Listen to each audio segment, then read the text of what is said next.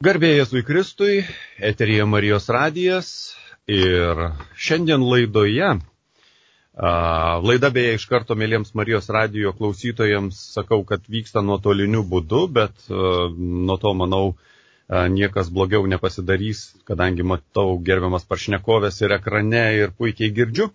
Tad šiandien mūsų laida yra skirta tarsi koks obalsis po prezidentūros kolonų salėje vykusios mokslinės praktinės konferencijos e, valstybės pareiga padėti moterims krizinio neštumo situacijoje, galimybės ir problemos. Tai šita konferencija vyko, kaip minėjau, spalio pabaigoje ir sulaukė nemažai įvairių vertinimų, obalsių tiek viešoje erdvėje, tiek e, bendrai pasisakymo. Ir konferencijos iniciatorius buvo Lietuvos visuomenės institutas, o konferenciją globojo ponia Diana Nausėdienė. Tad šiandien mes Marijos radio studijoje susisiekėme su dviejomis e, damomis, kurios buvo konferencijoje pranešėjos. Taigi sveikinuosi su Vytauto didžiojo universiteto profesore, kuri pluša ir E, Katalikų teologijos fakulteto santokos ir šeimos studijų centre Birutė Obeleninė. Labą dieną. Labą dieną. Ir psichologė, Lietuvos sveikatos mokslų universiteto docentė, krizinio neštumo centro konsultantė e, Giedrė Širvinskinė. Labą dieną. Sveiki.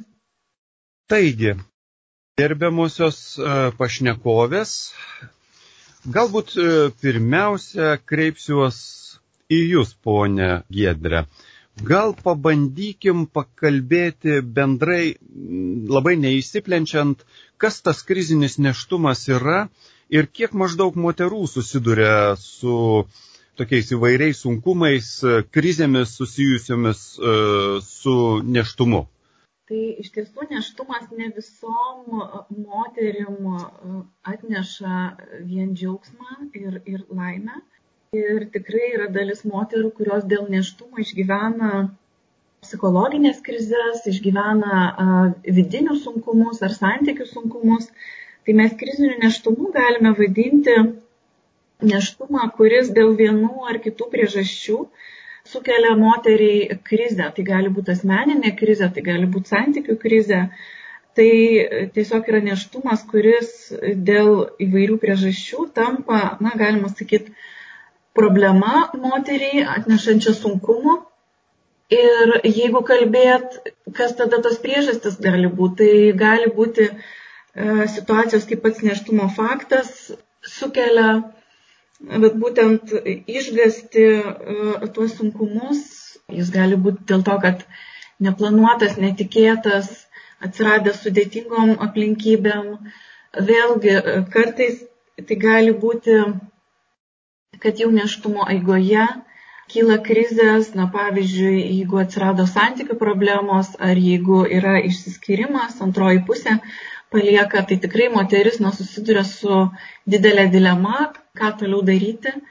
Bet vėlgi, na, tuo neapsiriboja. Tai tas krizės gali sukelti ir kitos situacijos ir, ir tai gali būti taip pat netektis, tai gali būti persileidimai, tai gali būti perinatalinės mirtis. Ir tuo pačiu kiti įvairūs sunkumai, kita vertus po neštumo nutraukimo taip pat moteris, na, būna, kad patiria taip pat labai sudėtingus išgyvenimus, tai, na, vis tik tai į šitą klausimą svarbu yra žiūrėti plačiau ir ne tiek svarbu kokios priežastis, bet svarbu tai, kad moteris patiria didelius sunkumus ir šitoj vietoj yra labai svarbu kalbėti, o kokios pagalbos jinai turėtų sulaukti, kokia pagalba jai turėtų būti pasiūlyta ir ar na, kažkas turi pareigą tą pagalbą pasiūlyti. Mhm.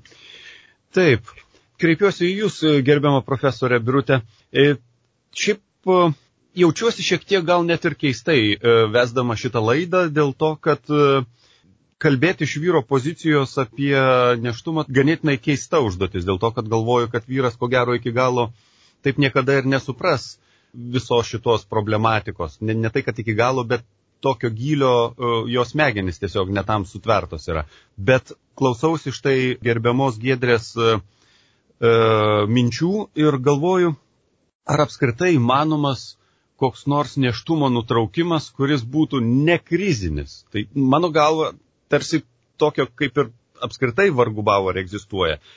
Tai čia pirmoji klausimo dalis. O antroji klausimo dalis, tai šioje vietoje iš tikrųjų iškyla pačio sprendimo darančiojo asmens atsakomybės ir, ir dar nemažiau svarbu, o daugiau svarbu informatumo klausimas. Tai ką Jūs galvojat e, va, būtent e, apie tai?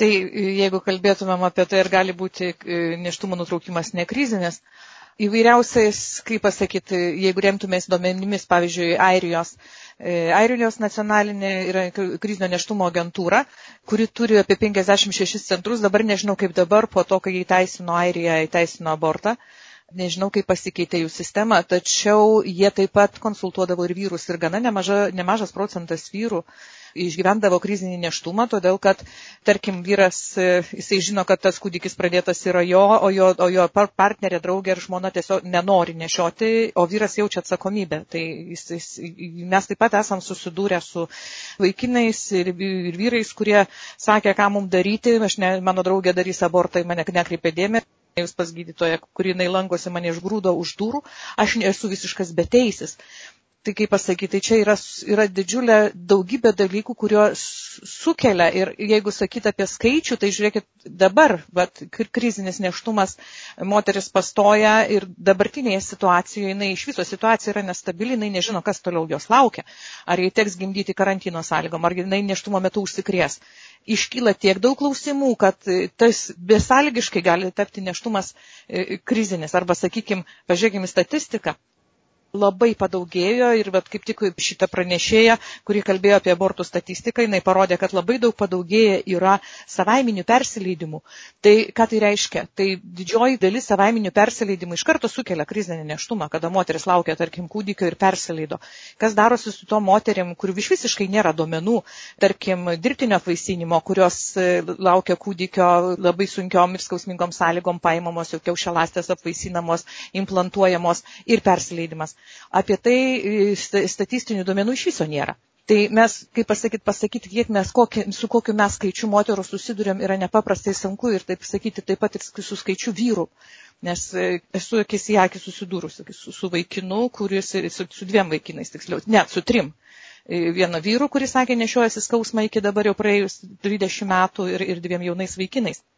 Tai kalbant apie informaciją, žiūrėkit, yra netgi kalbant visiškai e, mūsų oponentų terminais, kad moteris turi teisę reprodukcinės teisės, moteris turi teisę reprodukcinę sveikatą.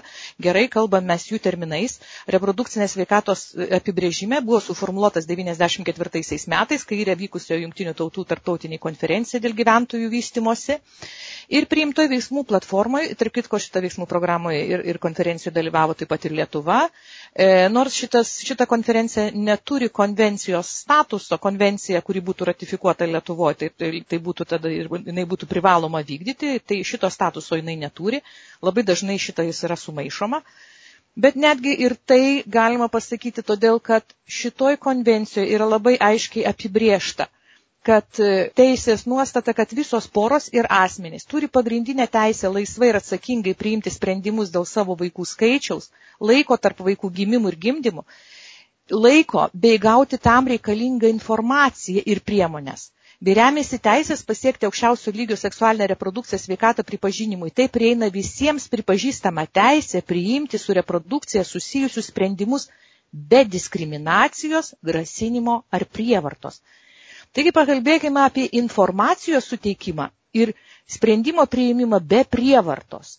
Tai kitaip sakant, informacija, kuri turėtų būti moteriai suteikta prieš operaciją, prieš intervenciją, jinai yra labai aiškiai apibriešta, taip pat ir pacientų teisų ir žalos sveikatlai atlyginimo įstatymė, taip vadinama laisvas informuotas sutikimas, kad turi būti duodamas prieš intervenciją, turi būti duodamas laisvas informuotas sutikimas, kuris atitinka yra duotas asmens galinčio tinkamai išreikšti savo valią, tai aš labai mielai norėčiau, kad psichologija mūsų daktarė Gedrė pakomentuotų, ar moteris esanti kriziniai situacijai yra ta, kuri gali tinkamai išreikšti savo valią.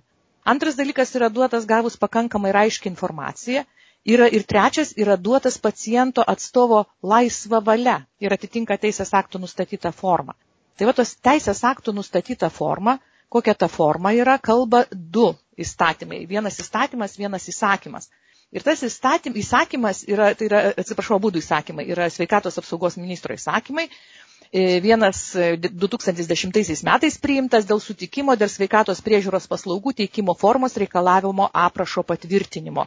Pasigrašė Ingrida Šimonytė 10 metais kovo 8 dieną ir štai šitam e, įsakymė yra aiškiai apibriešta, kad pacientas prieš intervenciją turi būti supažindintas su intervencijos pobūdžiu, su galimam pasiekmėm, turi būti suteikiamos alternatyvos. Tai yra tam tikra forma, kuri kiekviena ligoninė savo su, su, sukuria ir, ir po ją turi pasirašyti.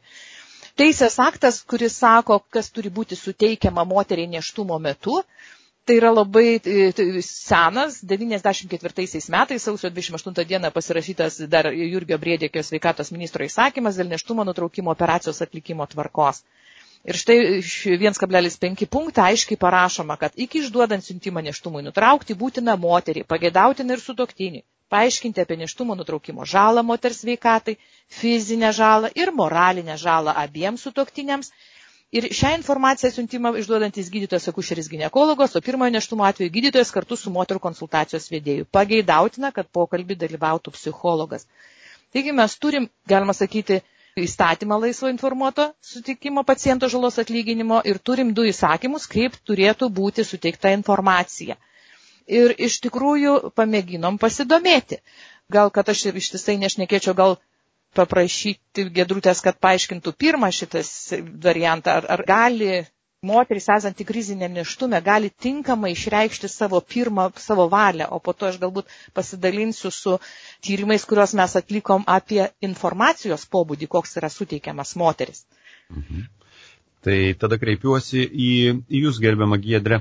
Iš tikrųjų, kiek, vadinkim, ta moteris yra pajėgi padaryti sprendimą ir galbūt ir šiek tiek plačiau noriu Jūsų paklausti, kadangi Jūs esat e, krizinio neštumo centro konsultantė, E, su kokiom bendrai situacijom susidurėt e, savo kaip psichologės darbe? Tai moteris kreipiasi ir tame etape, kai sužinojusios apie neštumą išgyvena va, tą krizę, šoką ir ieško, na, su kuo galėtų pasikalbėti apie tai. Vėlgi, na, kitos yra situacijos, kai tikrai moteris, kad ir apsisprendžia gimdyti, bet vis tiek ta situacija, kurioje jos yra, pavyzdžiui, jeigu jos neturi palaikymo iš aplinkos, jeigu jos yra atstumtos vyro, atstumtos tėvų, sakykime, tai moteris nusprendusi gimdyti tokioje situacijoje, jai irgi nepalengvėja vieno to sprendimo, jinai vis tiek su tais sunkumais, su, su atstomimu susiduria ir jai irgi reikia, reikia pagalbos, taip pat kreipiasi ir, ir po neštumo nutraukimo. Uh, po persileidimų ir na, tikrai labai platus tas diapazonas ir, ir tikrai akivaizdu, kad na, tos situacijos ir išgyvenimai sudėtingi.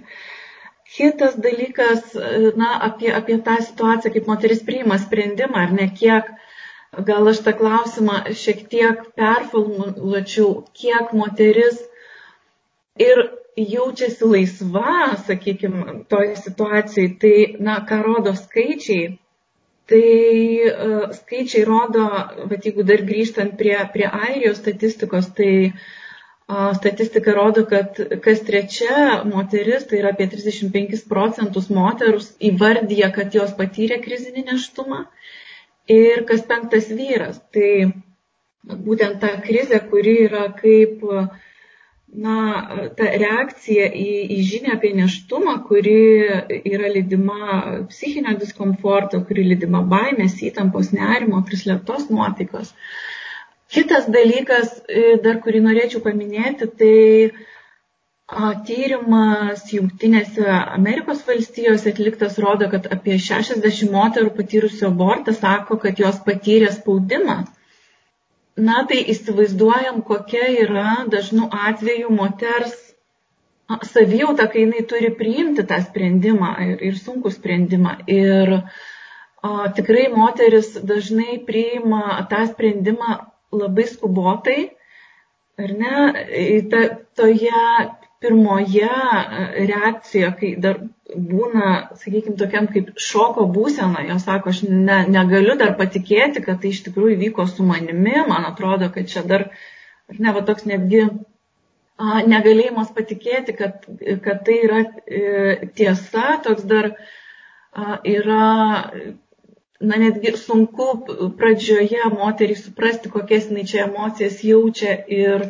kaip jinai iš tikrųjų sakykime, nori toliau gyventi, kokias jinai mato galimybės ir, ir tai, kas jai yra svarbu gyvenime. Ir iš tiesų dažnai moteris priima tą sprendimą labai skubotai.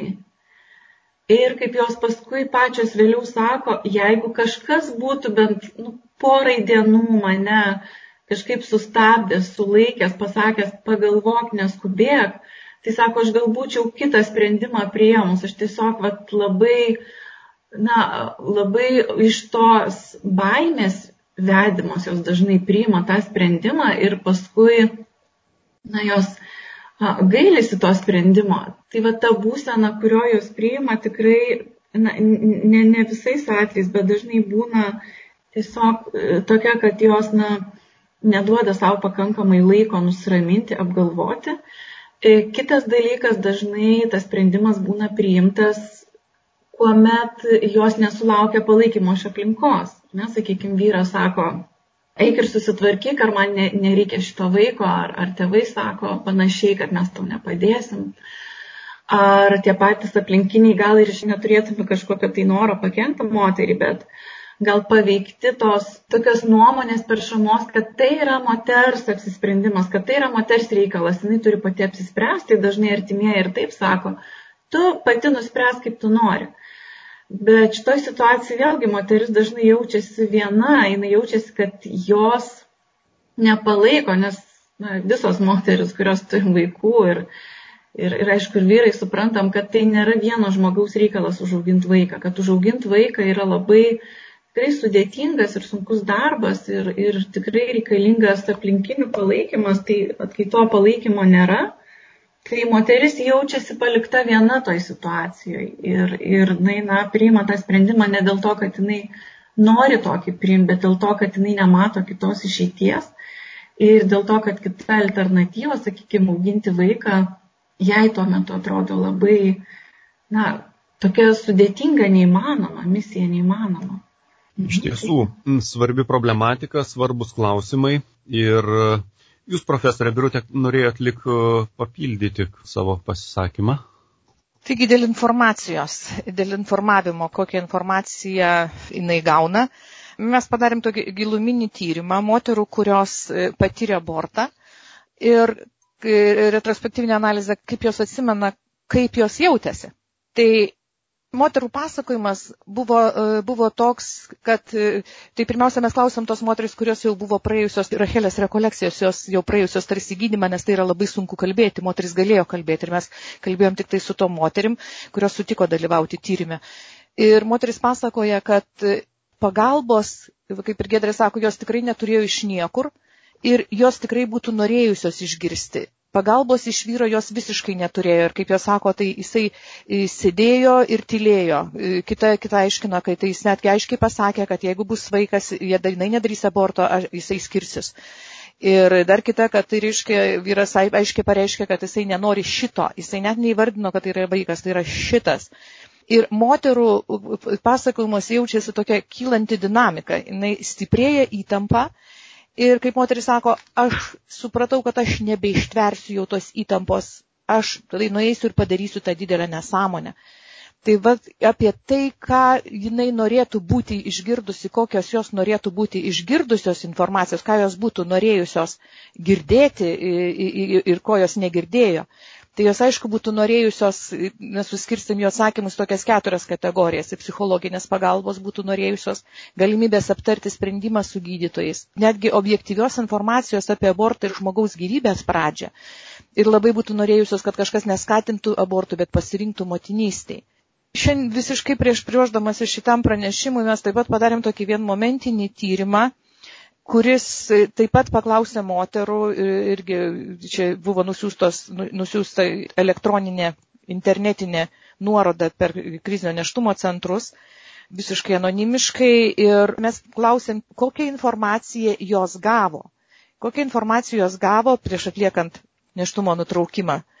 Tai kaip prisimenat, Aš sakiau, kad pagal teisės aktus galiojančios turi būti informacija tiek apie psichinę, tiek apie fizinę žalą, apie alternatyvas turi būti kalbama ir kokios gali būti galimi pašaliniai e, reiškiniai. Tai moteris e, atsakė, pasiskirstė maždaug šitaip atsakymai. Buvo pateikta tik fizinės komplikacijos, bet apie dvasinės kančios, kurios manęs laukia, tikrai apie tai nekalbėjo. Kita sako, aš buvau nepajėgi nei klausyti, nei girdėti, todėl manęs net nekalbino. Trečiai buvo paaiškinta procedūros eiga ir jos pasiekmes. Ketvirtai sako, kad abortą atlikęs gydytojas prieš procedūrą paaiškino, ką man darys, kalbėjo tik apie fizinę savijautą per ir po procedūros, apie psichologinę nekalbėjo. Taip pat apie visos tvirtino, kad apie psichologinės pasiekmes nebuvo kalbėta. Kitas sako, kad e, procedūros atlikimo detalės nebuvo aptartos. Dar vienas sako, kad jai buvo paaiškinta, kad bus valymas. Kitaip sakant, informacija suteikiama bet neišsami ir net tokia, kokia turėtų būti rašoma įstatymuose mūsų.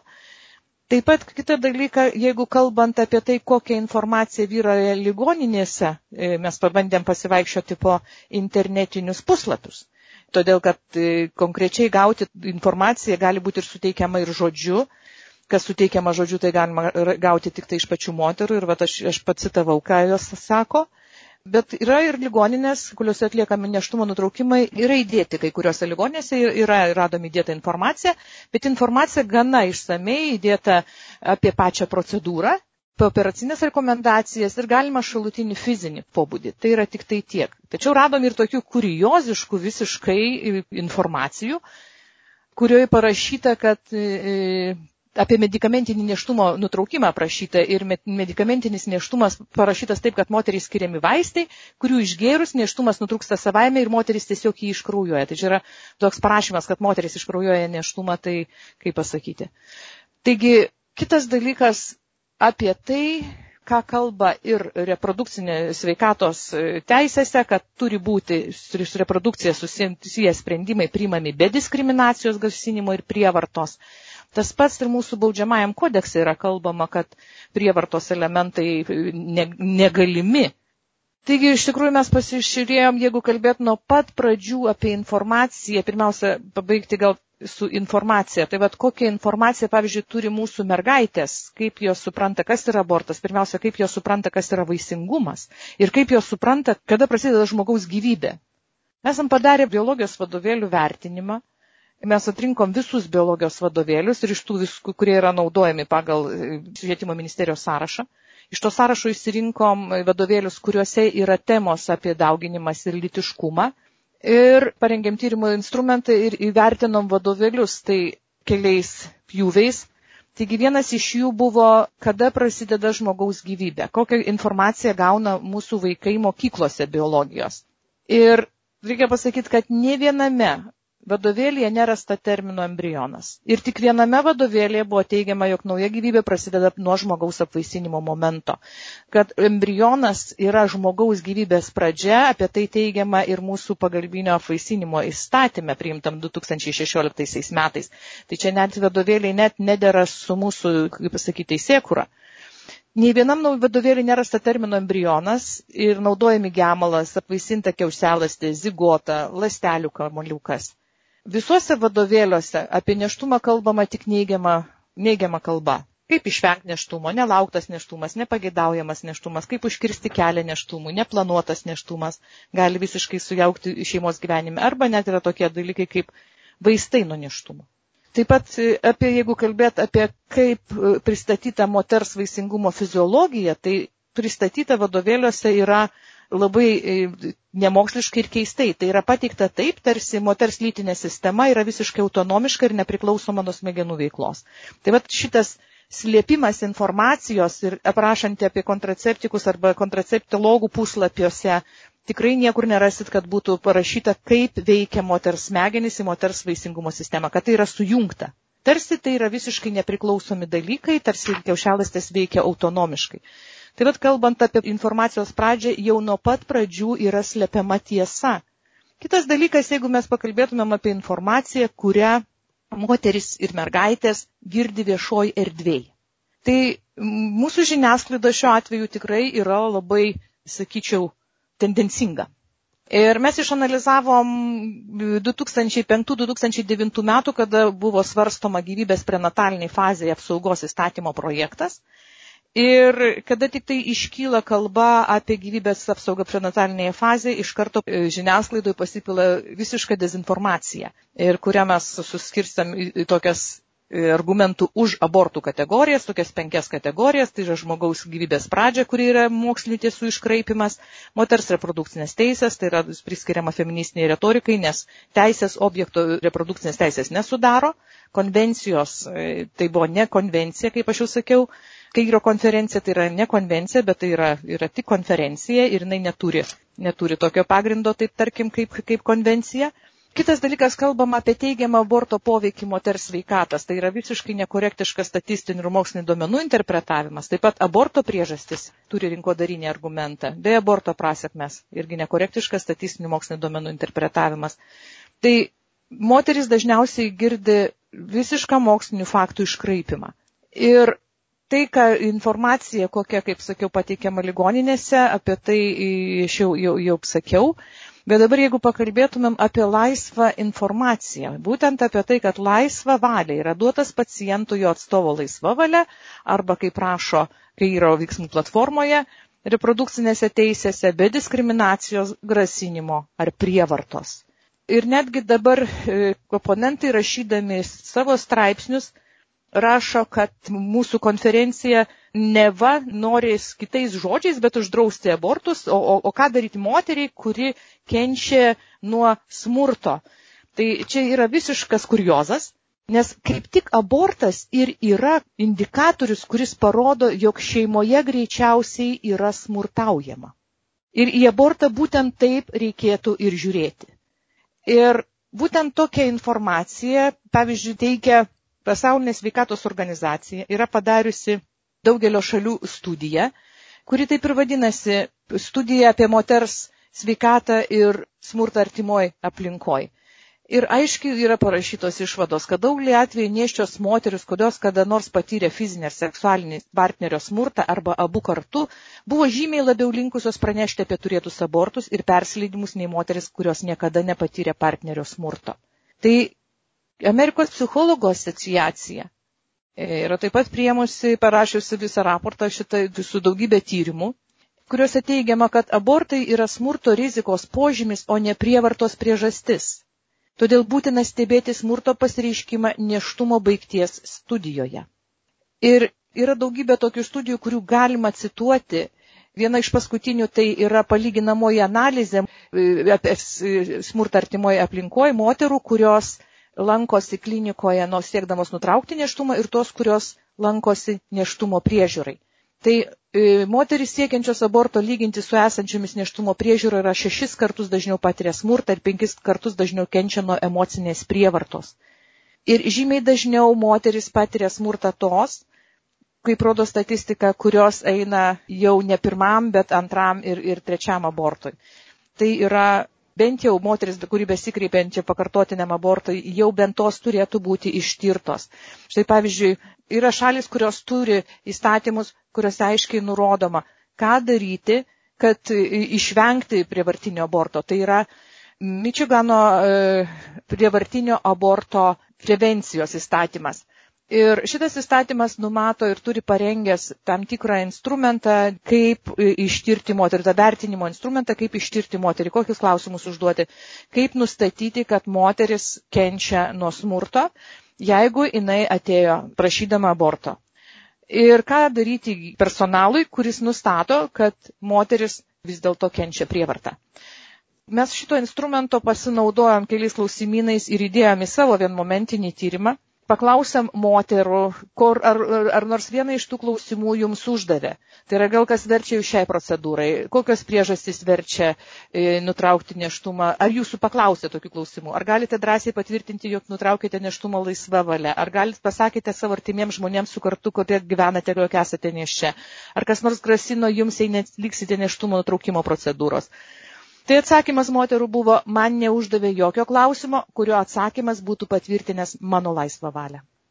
Tai tik tai vienu atveju e, paklausta apie priežastis ir kitu atveju buvo paklausta, gal kas nors verčia jų šitai procedūrai. Daugumoje atveju tikrai niekas neklausė.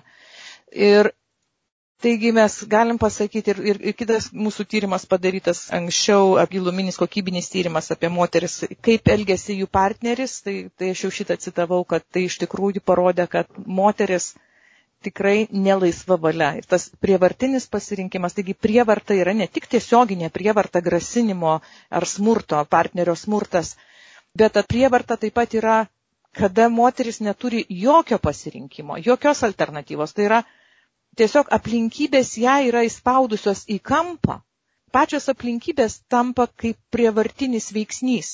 Jis neturi pasirinkimo. Tai ar mes galim kalbėti apie gerovės valstybę, ar mes galim kalbėti apie moralumą valstybės, kuri vietoj to, kad moteriai, kuri yra bėdoje, Kada aplinkybės yra už ją stipresnės, tai moteris yra bėdoj, negali ištiesti jai rankos. Jeigu, tarkim, jai trūksta e, rubelių, pinigų ar dar kažko panašaus. Pavyzdžiui, kaip Vokietijoje yra įstatymas priimtas, kuris taip ir skamba, kad tai yra įstatymas, kad nekiltų krizių neštumo metu. Aš čia netiksliai pacituoju. Ir aišku, jisai skamba taip, kad e, neštumo nutraukimas yra nelegalus, jei moteris jei atliktas ne ligoninėje, jei, jei atliktas ne gydytojo, turinčio tam leidimą. Ir trečias dalykas, jei moteris nebuvo prieš tai informuota ir jei nebuvo suteikta konsultacija. Yra trys dalykai, kurie laiko, kad neštumo nutraukimas yra nelegalus Vokietijoje. Ir Vokietijoje yra įsteigtas vyriausybės fondas būtent moteriams, kurios kažko stokoja. Ar pinigų, ar stogo virš galvos, ar e, smurtas artimoje aplinkoje. Tai yra ištyriamos visos aplinkybės, kurios ją verčia. Kurios ją verčia. Kitaip sakant, pašalinamos tos aplinkybės, kad aplinkybės netaptų prievarta moteriai, kad jos pasirinkimas būtų laisvas. Tai vad pirmiausia, reikėtų šnekėti apie galimybių suteikimą ir valstybės suteikimą paramą moteriai, kuriai aplinkybės yra stipresnės už ją, kuriai aplinkybės tampa jai prievarta kad jinai renkasi abortą. Ir be jokios abejonės. Be jokios abejonės. Į abortą žiūrėti kaip į galimo smurto kriterijų. Tai yra indikatorių. Jisai parodo, kad gali šeimoje būti smurtas. Todėl moteris turi būti ištirta. Jis pati ateina ir ypatingai jeigu auglės. Tai jau čia be jokios abejonės, čia, čia visai gali būti. Tai vat pasirinkimas moters tikrai Lietuvoje, bet iš mūsų darytų tyrimų Ir galima tikrai ir, ir, ir žiūrėti, kokią, žiūrint į tai, kokia informacija yra suteikta e, moteriam, tarkim, radau, radau informaciją Indianos valstybių nacionaliniam sveikatos departamente, yra specialus paruošto bukletas moteriam, vaizdingas, spalvotas, laisvas informuotas sutikimas ir neštumo nutraukimas, kurios yra parengtas taip, kad pirmiausia, absoliučiai visa, visas vaisiaus vystimasis. Aprašomas visas procedūros, aprašomos galimos pasiekmes fizinės, psichinės, absoliučiai aprašomos alternatyvos. Jeigu vis dėlto jinai nenori auginti kūdikio, aprašomos įvaikinimo procedūros ir taip toliau. Tai yra visa išsami plati informacija, kurios Lietuvoje tikrai niekas neturi. Tai ką lyginant su kitom valstybėm mes tikrai galim taip sakyti, bent jau išsakyti prielaidą, kad Lietuvoje moteris nutraukia neštumą ir jai nebuvo suteikta išsami ir pakankama informacija, pakankamai aiški informacija, taip pat tikrai nėra laisvos valios ir apsisprendimo. Parašas, kurį moteris deda po formą, kuri yra reikalinga. Mes taip pat paklausėm, ar jūs pasirašėte ir ar atidžiai perskaitėte dokumentą, dokumentą kurį pasirašėte. Didžioji dalis moterų parašė, neskaičiau. Tik perbėgau akimis Viena iš vis neatsakė į klausimą. Tik viena moteris patvirtino taip, skaičiau. Tada kitas klausimas, pasakykite, prašau, po kokiu tekstu pasirašėte? Gal galite trumpai apibūdinti? Ir atsakymai parodė, kad neprisimenu ar pasirašiau, nes buvau strese. Visai nieko neprisimenu. Deja, aš buvau taip metu to emociškai taip susijaudinęs ir jei atvirai prisimetu tik dokumento pasirašymo faktą. Kas ten buvo parašyta, negaliu pasakyti. Man ragis tai buvo paciento sutikimas procedūros atlikimui, tačiau galiu ir klysti. Neprisimenu, ar kažką pasirašiau. Norėjau kuo greičiau viską užbaigti, todėl nesigilinau į detalės ir būčiau pasirašiusi bet ką, net neskaičius. Taigi tiksliai moteris net negali įvardinti, ar jos pasirašė ir ką jos pasirašė. Tai rodo vėlgi, kad tas sutikimas nėra laisvas. Sutikimas, kuris, laisvas informuotas sutikimas yra labai svarbus dalykas, kuris yra susijęs su kompetencija, kad pasirašo asmuo suprantantis, ką pasirašo ir galintis tai įvardinti. Deja, deja. Mūsų tyrimai rodo, kad taip nėra. Kągi, problema tikrai yra daugia planė, daugia planė ir pakankamai sunkiai išsprendžiama, bet aš vis tiek norėčiau mūsų pokalbį, kadangi laidos laikas nėra begalinis, mūsų pokalbį truputėlį kreipti ir uh, viltingą kryptimi. Tad uh, kreipiuosi į ponę Gedrę Širvinskinę. Gal galėtumėt trumpai pristatyti, kokios galbūt organizacijos, įstaigos, nežiūrint to, kad problemų tikrai nemažai, kokios yra apskritai pagalbos moteriai galimybės. Ir e, nežiūrint to, kad, kaip minėjau, ir kaip e, gerbiamo profesorė Birutė išvardino problemų tikrai nemažai.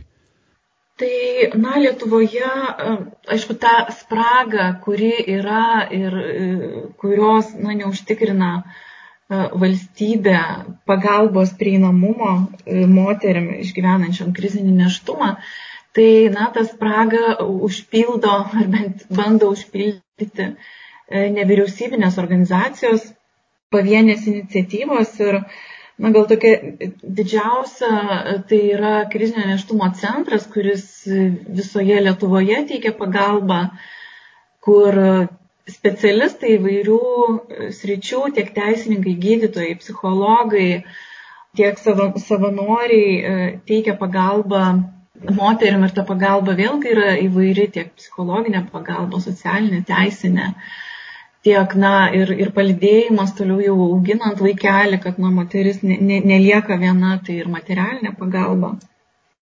Yra, sakykime, šeimos centras, vėlgi, kurie jau daug, daug metų teikia taip pat pagalbą krizinio neštumo situacijose ir tikrai ir, ir kitų yra organizacijų, gal aš visur neišvardinsiu, sakykime, ir psichologinės paramos ir konsultavimo centre galima gauti pagalbą. Lietuvoje, kas dar yra po na, netekties, sakykime, ar dėl aborto, ar dėl, dėl persileidimo yra jau ir Birutės paminėtas Rachelės vinogino rekolekcijos, kurios na, padeda įveikti traumą atsiradusią po būtent aborto ar persileidimo, na, netekus kūdikio. Tai va, tik tiek, kad vėlgi tai nėra pakankama pagalba ir tai daugiau yra, na, kaip sakau, tų spragų bandymas užpildyti, bet iš esmės, ko labai trūksta, tai trūksta tokios sisteminės pagalbos, kompleksinės pagalbos ir kiekvienai moteriai prieinamos pagalbos, tai yra, kad laiku būtų atpažintas krizinis neštumas ir nukreipta moteris pagalba, jai pasiūlyta pagalba, jai reikalinga kompleksinė pagalba. Ir vat, tai, aišku, na, įvairių metų, ar ne, tai vienas dalykas tą galima daryti jau pačioj neštumo pradžioj, kai yra patvirtinamas neštumas, kad na, būtų pasidomima, kaip moteris į tai reaguoja, kaip jinai dėl to jaučiasi, ar jai yra kokia nors pagalba reikalinga ir kad jinai tada būtų nukreipiama, sakykime, tuos centrus. Kitas labai svarbus momentas, kad moteris, kuris kreipiasi dėl neštumo nutraukimo tvarkos, ne, bet kaip ir girdėjom tikrai, kiek kaip moteris negauna informacijos ir, ir, ir tai nėra tas informuotas sutikimas, bet taip pat jos negauna ir informacijos apie prieinamą pagalbą. Nėra suteikiama, nieks nėra įpareigota šį dieną suteikti pagalbos. Tai tikrai na, būtų svarbu, kad dar plėstųsi tos pagalbos galimybės ir jos prieinamumas moterim. Iš esmės jūs jau už dalies ir atsakėte ir mano paskutinį klausimą, tad uh, ką reikėtų daryti, ar ne, kokių veiksmų reikėtų imtis, kad e, valstybės pareiga padėti e, e, moterims krizinio neštumo situacijoje būtų efektyvesnė. Tad gal jūs, gerbiamą profesorę Birutę, galėtumėt papildyti ir su tam tikrų tokiu mm, paskatinimu, kadangi mūsų laida be abejo visų šitų problemų neišspręs ir tai yra tik tai galbūt tik tai toks pirminis e, švelnus prisilietimas prie tos e, gilios, skausmingos problematikos. Nu, tai pirmiausia, jeigu pasižiūrėti, kažkaip man taip knieti e, dar į mūsų oponentus, pažiūrėti, ko, ko jie kaltina, jie sako, kad čia tas krizinio neštumo centrai, taip čia bus moteris įkalbinės, kad nedarytų aborto. Tai yra visiškas neišmanimas informavimo ir konsultavimo skirtumų. Kas yra konsultavimas? Moteris pati randa išeitį. Tai yra visiškai ne tai, kad suteikia informaciją, dar įkalbinėjai kažką. Tai, ar, tai yra visiškas nežinojimas pačių pagrindinių konsultavimo principų. Ir kitas dalykas, aišku, kad valst... kodėl mums reikalinga tos sisteminga pagalba kiek įmanoma pašalinti visas priežastis, dėl kurių moteris sako, kad jinai nenori neštumo, kad jinai nenori vaiko.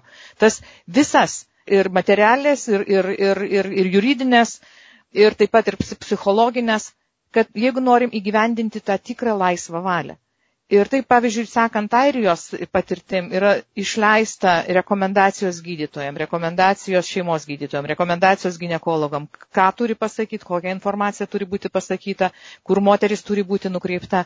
Tai yra pavieniai, pavieniais, pavieniai privačios iniciatyvos negali pasiekti, pasiekti kiekvienos moteriais, kur, kurioje reikia pagalbos. Čia yra tiesiog jinai, ta pagalba jai turi būti prieinama, todėl ir ta valstybės pagalba tikrai turi būti.